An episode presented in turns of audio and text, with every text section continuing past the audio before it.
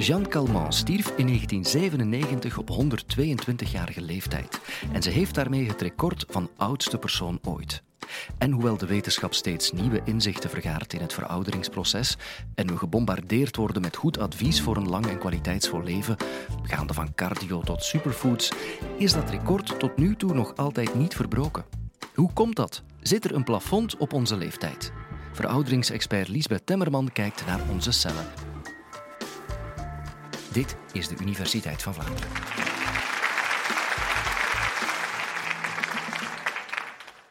Dit is Jeanne Calment.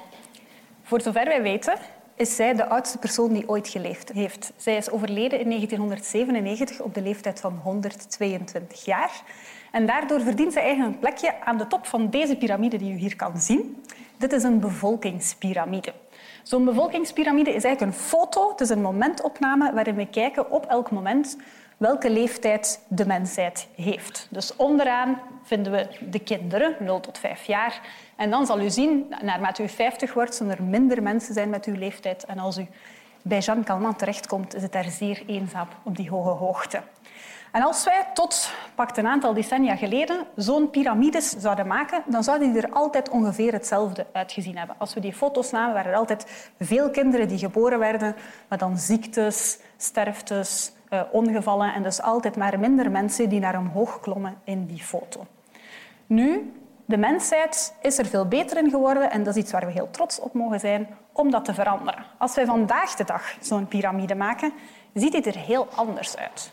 Dus de foto van vandaag, van de bevolkingspyramide, zou er ongeveer zo uitzien in 2019. Dus die rode lijntjes die u ziet, die tonen u duidelijk aan dat als u vandaag geboren wordt, hebt u eigenlijk heel veel kans om heel hoog in die piramide terecht te komen. Dat is omdat wij veel betere gezondheidszorg hebben. De wetenschap is vooruitgegaan. We hebben betere kennis hoe we moeten omgaan met ons leven als wij lang zouden willen leven. We hebben minder ongevallen enzovoort. Nu, doordat wij zo goed zijn geworden in al die mensen naar omhoog te trekken in die piramide, is er eigenlijk een beetje een algemeen idee gekomen. Misschien kunnen we dat blijven doen. Misschien kunnen wij blijven trekken en gaat die top van die piramide naar hoog en kunnen wij superlang leven, misschien zelfs eeuwig. Nu, er is een beetje een probleem met die redenering. En dat is, u heeft misschien gezien dat er hier heel veel is bijgekomen en dat is opgevuld, maar die top hier van boven is niet naar omhoog gegaan. En inderdaad, Jeanne Calment, haar record van leeftijd uit 1997 is in de voorbije twee decennia nooit verbroken geweest. Dus ondanks het feit dat we met z'n allen veel ouder worden, is dat niet uitgerokken. Die top of dat plafond lijkt vast te liggen. En het lijkt alsof er op de menselijke leeftijd een plafond van ongeveer 120 jaar staat. Wij denken vandaag dat dat komt door verouderen. En dat verouderen geregeld wordt door biologische wetmatigheden die bepalen waar dat plafond ligt. Ik ben zelf een verouderingsonderzoeker en waar mijn collega's en ik vandaag vooral mee bezig zijn, is met te zorgen dat u zo gezond mogelijk oud kan worden. Vandaag sterven de meeste mensen niet omwille van een ziekte of een ongeval, maar omwille van verouderen. Verouderen betekent niet alleen dat u rimpels krijgt of dat u wat slechter te been bent, maar er loopt eigenlijk van alles in uw lichaam mis. En die dingen zorgen ervoor dat u suikerziekte krijgt, dat u bepaalde kankers krijgt, dat u hersenaandoeningen krijgt en die zorgen dan dat u sterft. Nu, biologisch gezien berust verouderen op twee pijlers. De ene grote pijler is eigenlijk dat u geprogrammeerd bent om fouten te maken en dat dat slecht is voor u en dat u daarom veroudert. De tweede grote pijler van biologisch verouderen heeft te maken met het feit dat het voor biologische evolutie eigenlijk niet zo heel veel uitmaakt wat er met u persoonlijk gebeurt nadat u gezonde kinderen hebt gekregen. U wordt biologisch irrelevant. En ik wil graag die twee pijlers met u eventjes bespreken vandaag. Laten we beginnen met het maken van fouten. Als u zegt, ik zou heel graag heel gezond oud willen worden, dan is het belangrijk dat uw lichaam perfect of zo perfect mogelijk blijft werken. En om dat te kunnen doen, moeten alle cellen die uw lichaam opbouwen, moeten het eens zijn over hoe u als organisme, als mens, moet leven. Om het met elkaar eens te zijn over hoe u persoonlijk moet werken, gebruiken ze allemaal dezelfde handleiding en dat is uw persoonlijk DNA. Nu, toen u net geboren werd, bestond u uit veel minder cellen dan vandaag. En ook vandaag is er soms door schade nood om cellen te herstellen of worden er cellen bijgemaakt. En telkens als er een nieuwe cel wordt gemaakt, heeft die zo'n handleiding nodig. Dus uw lichaam moet heel vaak kopiëren. Ze moet heel die handleiding kopiëren om te zorgen dat elke cel zo'n handleiding terugkrijgt. Wat is het probleem? Onze biologische kopieermachines maken regelmatig fouten. Het hangt een beetje af van de omstandigheden. Het kan nogal variëren. Het kan 1 in een miljoen zijn, maar het kan soms ook 1 op de 100 letters zijn die fout worden gelezen. En telkens als u uw handleiding wilt kopiëren, moet u ongeveer 6 miljard letters gaan kopiëren. Dat is dus heel veel werk. Eén foutje zal u niet merken, maar naarmate u ouder wordt, stapelen de fouten zich op omdat u altijd maar meer heeft gekopieerd. En dus na een hele tijd krijgt u zoveel fouten dat u dan verouderingsproblemen zal gaan krijgen.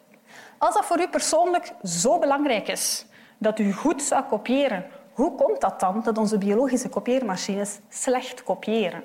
Dat is niet in ons voordeel als persoon.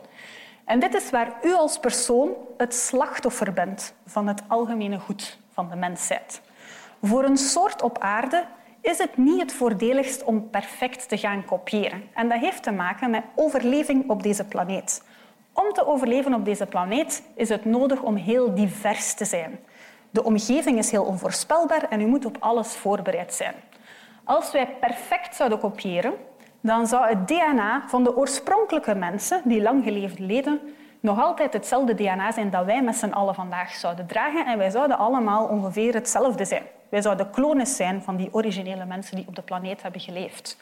Als er nu morgen een virus passeert en dat vindt een zwak punt in ons immuunsysteem, dan wordt de hele mensheid uitgeroeid. Want iedereen heeft hetzelfde probleem. Dus om als soort te kunnen overleven op de aarde, is het slimmer om slecht te kopiëren. Want als u een kind maakt, kopieert u uw eigen DNA om het door te geven aan de volgende generatie.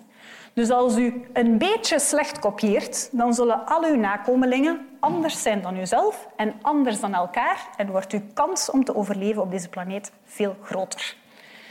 Dus de kopieermachines zijn doorheen de evolutie geselecteerd om niet te slecht, maar ook niet te goed te kopiëren, zodanig dat we niet met z'n allen sterven, maar ook niet zo inflexibel worden dat er geen diversiteit meer is. En omdat u als persoon exact dezelfde kopieermachine gebruikt om uzelf te maken als om uw kinderen te maken, maakt u zelf ook fouten en zal u gaan verouderen. De tweede pijler waar biologisch verouderen op steunt, heeft terug te maken met iets wat met u slecht gaat, waarin u uzelf eigenlijk opoffert in het voordeel van uw kinderen. En dat heeft te maken met het feit dat u, als u gaat groeien en ontwikkelen tot een seksueel volwassen persoon, gaat u in uw lichaam allerlei processen in gang zetten. U gaat heel veel hormonen beginnen aanmaken en nog andere dingen doen, die ervoor moeten zorgen dat u gezonde en fitte nakomelingen hebt die zeker zullen overleven op deze planeet. En uw lichaam wordt eigenlijk in een soort van overdrive-status gezet, waarin u te veel doet dan wat goed voor u is. Denk bijvoorbeeld aan hele jonge ouders die er echt goed in zijn om veel nachten zonder slaap perfect te overleven en toch te blijven perfect, semi-perfect te overleven en toch te blijven doorwerken onder die omstandigheden. Als u gezond wilt verouderen en lang wilt leven, is het belangrijk dat u die overdrive nadien terug kan bijschakelen. En er zijn mensen die het kunnen, maar er zijn ook mensen die het niet kunnen. En de reden waarom we dat met z'n allen niet kunnen, is juist hetzelfde probleem als voorheen. Eens dat u fitte kinderen hebt gemaakt, is er een volgende generatie voor de evolutie en wordt u redelijk irrelevant voor de biologie. Het probleem is dus dat het voor uw kinderen eigenlijk niet echt uitmaakt of u gezond 60 jaar, gemiddeld oud 80 jaar, 100 jaar, 120 jaar kan worden. Want 60 jaar is meer dan voldoende voor een volgende generatie om perfect gezond te kunnen overleven. Wat is het verschil tussen dit probleem en het vorige? Fouten maken is altijd slecht voor u. Als u een fout maakt, is het voor u als persoon altijd slecht, omdat uw cellen het niet meer eens zijn. Dingen aanzetten om gezonde nakomelingen te krijgen is goed als u jong bent, maar als u oud bent, moet u het gaan bijstellen en dat is iets wat u vaak niet doet of vergeet te doen. Dus het probleem met verouderen is, we maken fouten, we gaan in overdrive en omdat het de biologie niks kan schelen dat we dat doen, zijn wij allemaal gedoemd om te verouderen. Als we nu teruggaan naar die piramide, betekent dat nu dat de biologie voor ons een speelveld heeft uitgezet? We mogen ergens tussen de 0 en de 120 jaar worden, maar daarboven niet meer, want al die problemen hier zijn verouderen en daar kunnen we niet veel aan doen. Dat is gelukkig niet het enige wat er gebeurt, want als mens danken wij onze succes op deze planeet niet enkel aan onze biologische evolutie, wij kennen ook een heel sterke culturele evolutie. Wij geven informatie door aan onze nakomelingen langs ons DNA, maar wij sturen onze kinderen ook naar scholen waar ze uit boeken kunnen leren wat er in de vorige generaties is gebeurd. En ze zouden misschien die kennis kunnen gebruiken om uit de harnas van die biologische evolutie vrij te kunnen breken. En dit is iets waar mensen uiteraard over nadenken ook en waar terug twee grote oplossingen voor voorzien zijn. En de eerste oplossing is eigenlijk de meest voor de hand liggende.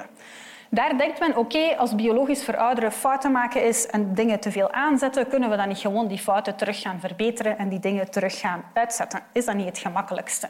En inderdaad, dat is een piste die door wetenschappers vandaag de dag wordt bewandeld. Er wordt heel veel onderzoek gedaan om uit te vissen of er medicijnen gemaakt kunnen worden, of u uw levensstijl kan aanpassen, of uw uh, darmflora misschien veranderd kan worden, zodanig dat u geen suikerziekte meer krijgt, dat uw hersenen het beter doen, dat u bepaalde kankers kan gaan genezen. Allemaal fouten die te maken hebben met verouderingsprocessen die mislopen in uw lichaam en die we dan specifiek gewoon terug gaan corrigeren. Dit is een interessante piste, maar ze heeft een hele grote uitdaging en dat is de kosten-baten-uitdaging. Stel, u wilt heel graag een heel net huis. En u weet heel goed hoe u moet opruimen, maar u hebt ook kinderen en die weten heel goed hoe ze rommel moeten maken.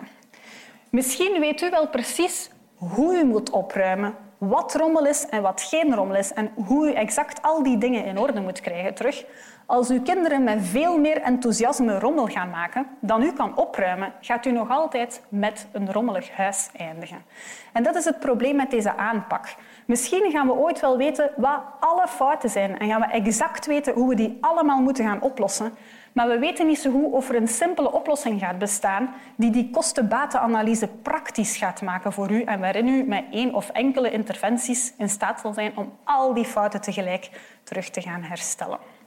Er is ook een tweede oplossing als u graag zou willen ontsnappen aan dat biologisch verouderen en die is iets meer theoretisch nog vandaag de dag. En dat is, u kan zeggen, oké, die biologie, ik heb het ermee gehad, te veel problemen. Ik wil ontsnappen aan mijn biologisch bestaan en ik wil niet biologisch eeuwig gaan verder leven. En dat begint eigenlijk in een gedachte-experiment, waarbij u kan zeggen, stel u hebt morgen iets voor en u verliest een arm. U kan een prothese krijgen om uw arm voor u te vervangen. U zal nog steeds vinden dat u dezelfde persoon bent, met dezelfde eigenschappen, ondanks het feit dat een deel van uw lichaam niet meer biologisch is. In theorie zou die arm niet enkel u kunnen helpen om terug te werken zoals u vandaag de dag bent. Die arm zou veel sterker kunnen zijn, zou veel langer kunnen meegaan, veel duurzamer kunnen zijn dan uw biologisch lichaam. En dat gedachte-experiment kan u doen voor heel veel onderdelen van uw lichaam. U zou uw benen kunnen vervangen, uw hart, uw lever, uw ogen. U zou met uw ogen misschien ook wel meer dan het zichtbaar licht kunnen gaan zien en met uw oren veel meer frequenties kunnen horen dan u vandaag de dag kan horen. En als we dit verder denken, dan zou u uiteindelijk alles kunnen gaan vervangen. Het enige stuk van uw lichaam waar we vandaag absoluut nog geen oplossing voor zien, is voor uw hersenen. En dat is het heel belangrijke stuk, want dat is waar wij allemaal vinden dat ons bewustzijn en onze persoonlijkheid zit. Maar in dit gedachte-experiment, als u dit doortrekt, zou u eigenlijk uiteindelijk uw hersenen of uw bewustzijn gaan uploaden in een robotlichaam of in een virtuele omgeving waar u dan zou kunnen ontsnappen aan uw biologische dood en daar kunnen gaan verder leven. Dat klinkt vandaag de dag als science fiction. Dat is heel ver gezocht, maar er zijn mensen die daarover nadenken en die vooral kijken naar enorme vooruitgang in de artificiële intelligentie die we hebben gezien in de voorbije jaren. En dat combineren ze dan met projecten die vandaag de dag al lopen, zoals een Europees gesponsord menselijk breinproject, waarin men nu al probeert om virtuele mensenhersenen te bouwen.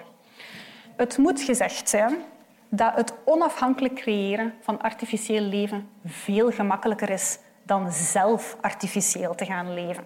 Dus ondanks het feit dat dat theoretisch een piste lijkt die kan, is ze zeker niet voor morgen.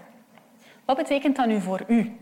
Kan u nu echt maar 120 of 122 zoveel jaar worden? En ligt dat daar vast? Misschien hoopt u dat u daar van boven op die piramide zal gaan zitten uiteindelijk. En misschien hoopt u zelfs dat die top van die piramide tegen dan al een pak hoger zal liggen. Maar u zal wel begrijpen dat als u daar wilt geraken, wilt u het ongetwijfeld gezond doen, of zo gezond mogelijk. Elk jaar dat we voor u kunnen bijkopen, is pas een waardevol jaar als dat jaar in goede gezondheid is en als u er levenskwaliteit voor terugkrijgt. En daar wordt vandaag heel veel onderzoek naar gedaan. En op proefdieren zien we dat het mogelijk is om die dieren heel gezond veel langer, of een beetje langer soms, te laten leven. Maar die dieren sterven uiteindelijk toch nog. Dus ondanks het feit dat het daar kan, weten we eigenlijk absoluut niet waar die top van die piramide in de nabije toekomst, of in de verre toekomst zelfs, zal gaan eindigen. En wat ik intussen vooral hoop, is dat u enorm zal genieten van het onderweg zijn. Wist je dat we ook een erg leuke nieuwsbrief hebben? Schrijf je snel in via www.universiteitvanvlaanderen.be en blijf tweewekelijks op de hoogte van weetjes en wetenschap.